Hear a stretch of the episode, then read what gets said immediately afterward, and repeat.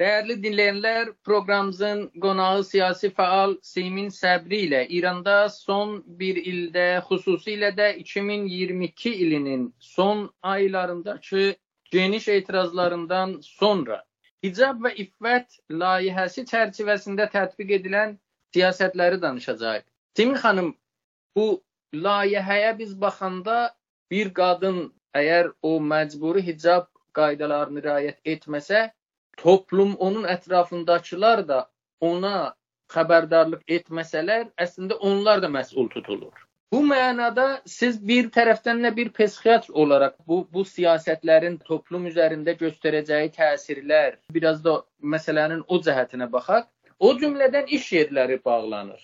Yəni gedir iş yerində məsələn kafelər olur, bəzən turizm mərkəzləri olur, amma bəzən bir böyük alış-veriş mərkəzini belə qapada bilirlər.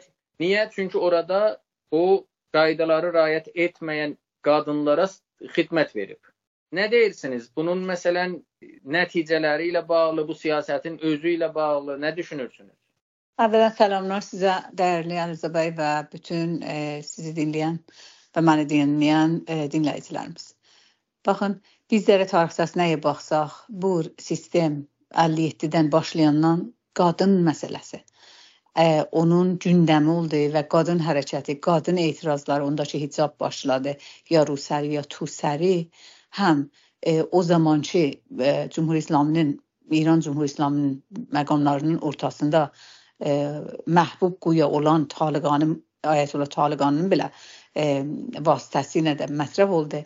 Orada biraz e, bu pis polis, yaxşı polis müxtəlif dillərlə gəldilər və bəziləri şiddətlə danışdı, hədələdi və o birisilər gəldi dedi ki, yox mən əndən müxalifdərəm, amma işğalı yoxdur. Sən bu çadranı bax gör nə qədər mühüm cəmiyyətdə düzələcək şeylər və xop qadınlar çadır üstələr nə olar? Yəni bunu qadın haqqlarını, qadın mübarizəsi ki, indi əslində bir qlobal e, bir məsələdir, tanınmış, teorizə olmuş bir məsələdir. Cinslərin eşitliyi, hüquq bərabərində mənzurum. Nəinki anatomik, həmişə bu deyirəm mən. E, o zaman e, bu ya başqa səbəbə görə haşiyə vuruldu. O zaman da onlar qadınları təhqir eləməklə özlərini təsbit etdilər, güclərini göstərdilər və indi də o davam edir e, buyurduğun o misalda ki, gedib birinin iş yerini, gedib birinin çörəyini kəsib dükanını bağlamaq, möhrumum eləmək, nə bilim, e, bunu e, deməkdir ki, bu dəfə dövlət tək özü yox, hətta bu buhranı, ruhunu millətin içinə vurur ki, bir-birinin qarşısında qoyur onları ki, məsələn, mənim arayışgahım bağlandı, mənim paltar dükanım bağlandı, çünki sən ora bir hicab girdin. Ki sabahları bir-birinə millət yazsın ki, məsələn, vurudu bir hicablar məmnun. E, bir hicabların girişinə e, e, icazə vermirik. Yəni milləti millətin əlinə, yəni milləti qarşı əslində qadınların əleyhinə həmkarlığa dəvət eləmək və bu ki, e, bunun a, özgür istəkləri bir qadın kimi məsələn göyün azadlığı bülçü tüstüsü e, sənin də gözvə girər və sən gərək mənlə həmkarı eləsən, bunu biz müdiriyyət edirik. Amma biraz qoyun bir böyük eşildə bu məsələyə baxaq. Cumhur İslamı bir çox məsələlərlə rabitədə müdiriyyət ixtisasisindən götürün, xarici siyasətindən götürün, e, daxildəki də yavaş-yavaş ümumiyyətlə mühəndisi bir seri intihabat var ki, bir dəst bir məclisdir. Yenə əvvəlki məclislər 11 dənə bundan qabaq təşkil olub. Orada mümkündür bir rəhbərə biraz müxalifdən, müvafiqdən biraz daha e, sazişkar, bir islah tələb, bir filan girə bilirdi məclisə. İndi getdikcə e, diktator e, qox deyirlər öz e, təhkim elədikcə öz müvəyyətini kullən əslən e, qorxur ki, e, səs e, müxalif səsə yer versin. Əvvəl başladılar öz e, dövrbərilərini, rəqiblərini dənlədilər və sonra başladı müxaliflərini dənlədilər və bu iş getdikcə davam etdi ta ki biz təqribən bir seri fərmayişi e, intihabata da şahidik. Yəni cürbəcür e, həm daxili alanda, xarici alanda, iqtisadi alanda, savaşlarla rabitədə, zəncir niyabəti, fərq, hətta fərqin altında 60 dərsən öz dediklərinə görə, öz məclislərində dediklərinə görə bunları yığışdıra bilmir. Ona görə bu haşiyə sazilər və heç yerdə də eləyə bilmir emari qüdrət eləsin. Çünki bunları həll eləyə bilmə, bilməz ki, emari qüdrət budur ki, bunları həll eləyə deyəcək. Mən bu müşkülə yetişdim, bunu həll elədim.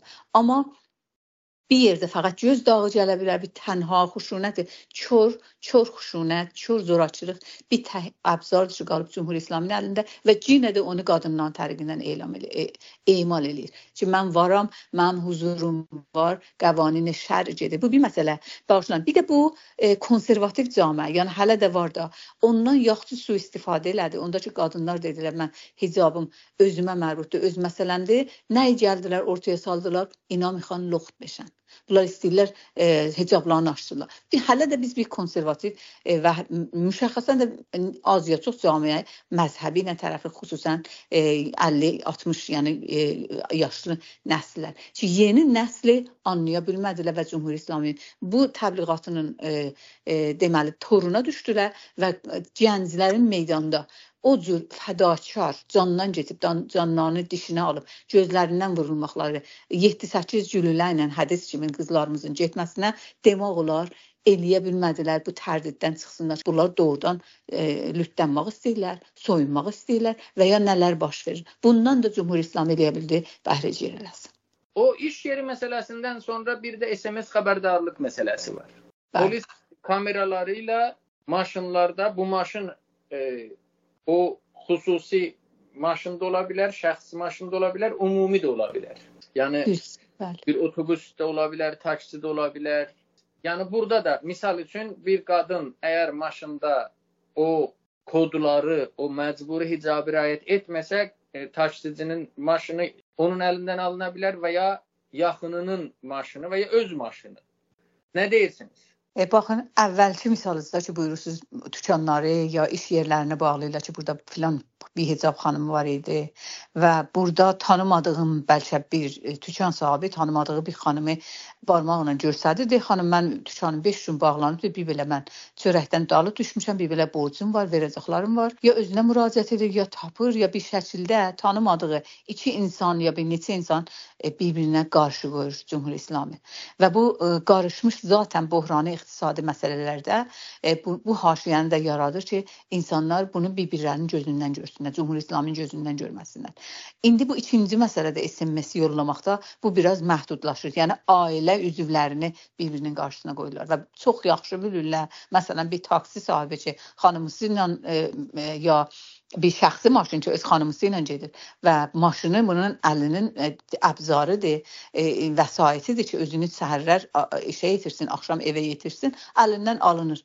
Bu dövlətə əli çatmaz ki, öz e, deyirlər öz e, e, hirsini və əsəbaniyyətini, etirazını püskürsün. Gücü kimə çatar? Qadını əzər ki, sən çadıran mürəttəb başında ötsəydin, bu, bu burada Cümhur İslamın xətası yoxdur. Xəta səndədir ki, çadıravı düz ötməmisən. Yəni müşəxxəsən bir oxuna, bir tirinə bir neçə nişan vurmaqda burada hədəfdir. E, Cümhur İslamı e, qabağa aparır. E, eyni zamanda ki, göstərir öz vücudunu ki, mən varam e, qavanın şəriət elə tam mən varam. Çünki əslən vücudu ona bağlıdır. Qadından saçlarından asılıdır Cümhur İslamının məşruiyyəti və varlığı. Təsəvvür edə bilməzsiniz bir hicabsız e, qadınlar e, bir Cümhur İslamı.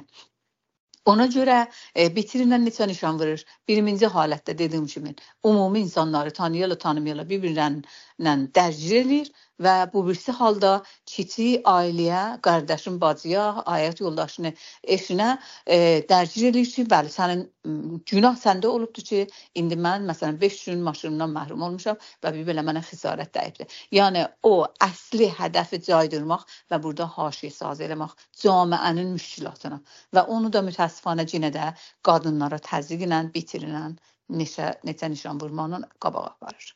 Bir də üçüncü, yəni nümunə bu əmr bil məruf.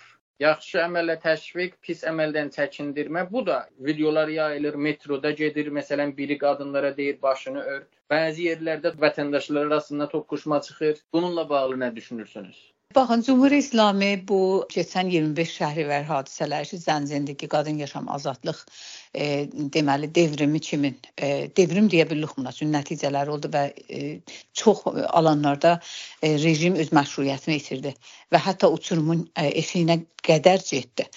E, ona görə ki, özünü bərpa etsin və ya göstərsin ki, mən hələ varam hələ indi getməyək asib şinası eləməyək ki, bu niyə uçurumdan düşmədi, e, qlobal qüvvələrin nə rolu oldu və içəridə alternativin ya bir bədil siyasinin olmaması və bu pərakəndəlik, müxtəlif e, mərkəzgəralar, mərkəz zodalar, bunların e, başara bilmədikləri müdiriyyəti nəticəsində e, hər halda baş, başardı ki, toparlasın və burdan da yaxasını qutarsın. İndi istəyir nə iş görə bunlarla, e, bu işləri ilə bir neçə hədəf ola bilər. Birincisi istəyir yenə xidmətçi dediyim kimi öz huzurunu ki, mən hələ də varam, hələ güclüyəm, burada göstərsin. Yəni biz qorxmadıq sizdən, çadranı zorla başınıza da örtə bilirik, həm sizə maddi cəza kəsə bilirik və həm də əsən vurub gedə bilirik. Sizi görürsüz, mən bəzi filmlər görmüşəm ki, insanlar bir, bir qadın durub orada hicabın riayət eləməyib, ya hətta yaxçı riayət eləməmiş E, və e, baş örtüsü məsələn biraz saçından da aşağı düşübdü. Onu vurub e, daldan saçını çəkib qaçan deməli məmurlar da var. Bir bunu istəyir emal eləsin və bir də həmin o birinci və ikinci misallarımızda yenə də istəyir milləti millətə qarşı qoysun və hətta burada bir indi yeni yaşlı irşadı nəinki yeni yeniliyibdi. Bir başqa adlarla hicabbanlar filan bir kəzai bir şoğul düzəltmək də yaradıbdı ki, bu yenə də iqtisadi və vəziyyətdə, böhrani vəziyyətdə az mütalibəgəri olmaz, az tərəfdarı olmaz.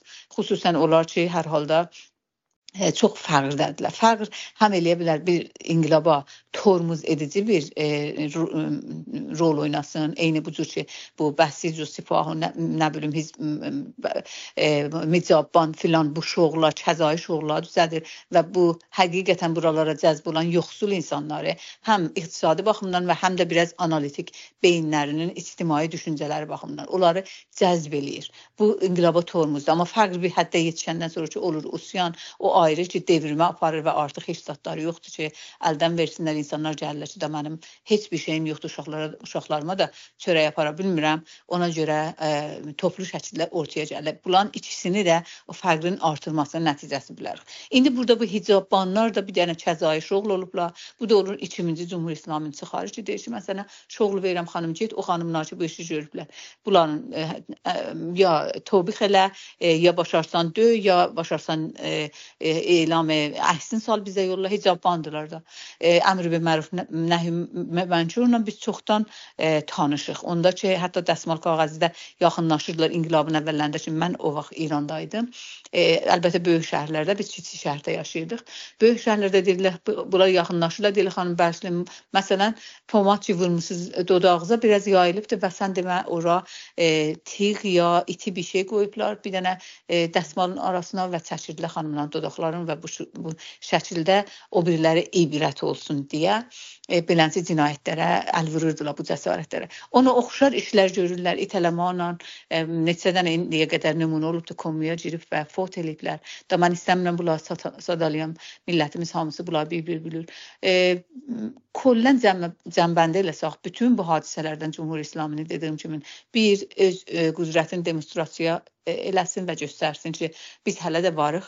İki, insanları bir-birinin qarşısına, ailələrin üzvlərini bir-birinin qarşısına qoysun. Üç, kəzai işlər düzəlsin ki, e, bu e, yoxsulluqdan da balıq tutsun və desin ki, mən bir seri şoğullarım var və onlara yaxçı da şahid maaş verirəm, az da tərəf tərəfdarı olmaz, onları ortaya çəksin. Mən bu üç dənə səbəbi sizin suallarınızda sadalaya bilərəm. Çox sağ olun Simin xanım, təşəkkürlər müsahibə üçün. Mən sizdən təşəkkür edirəm, var olasınız, sağ olun.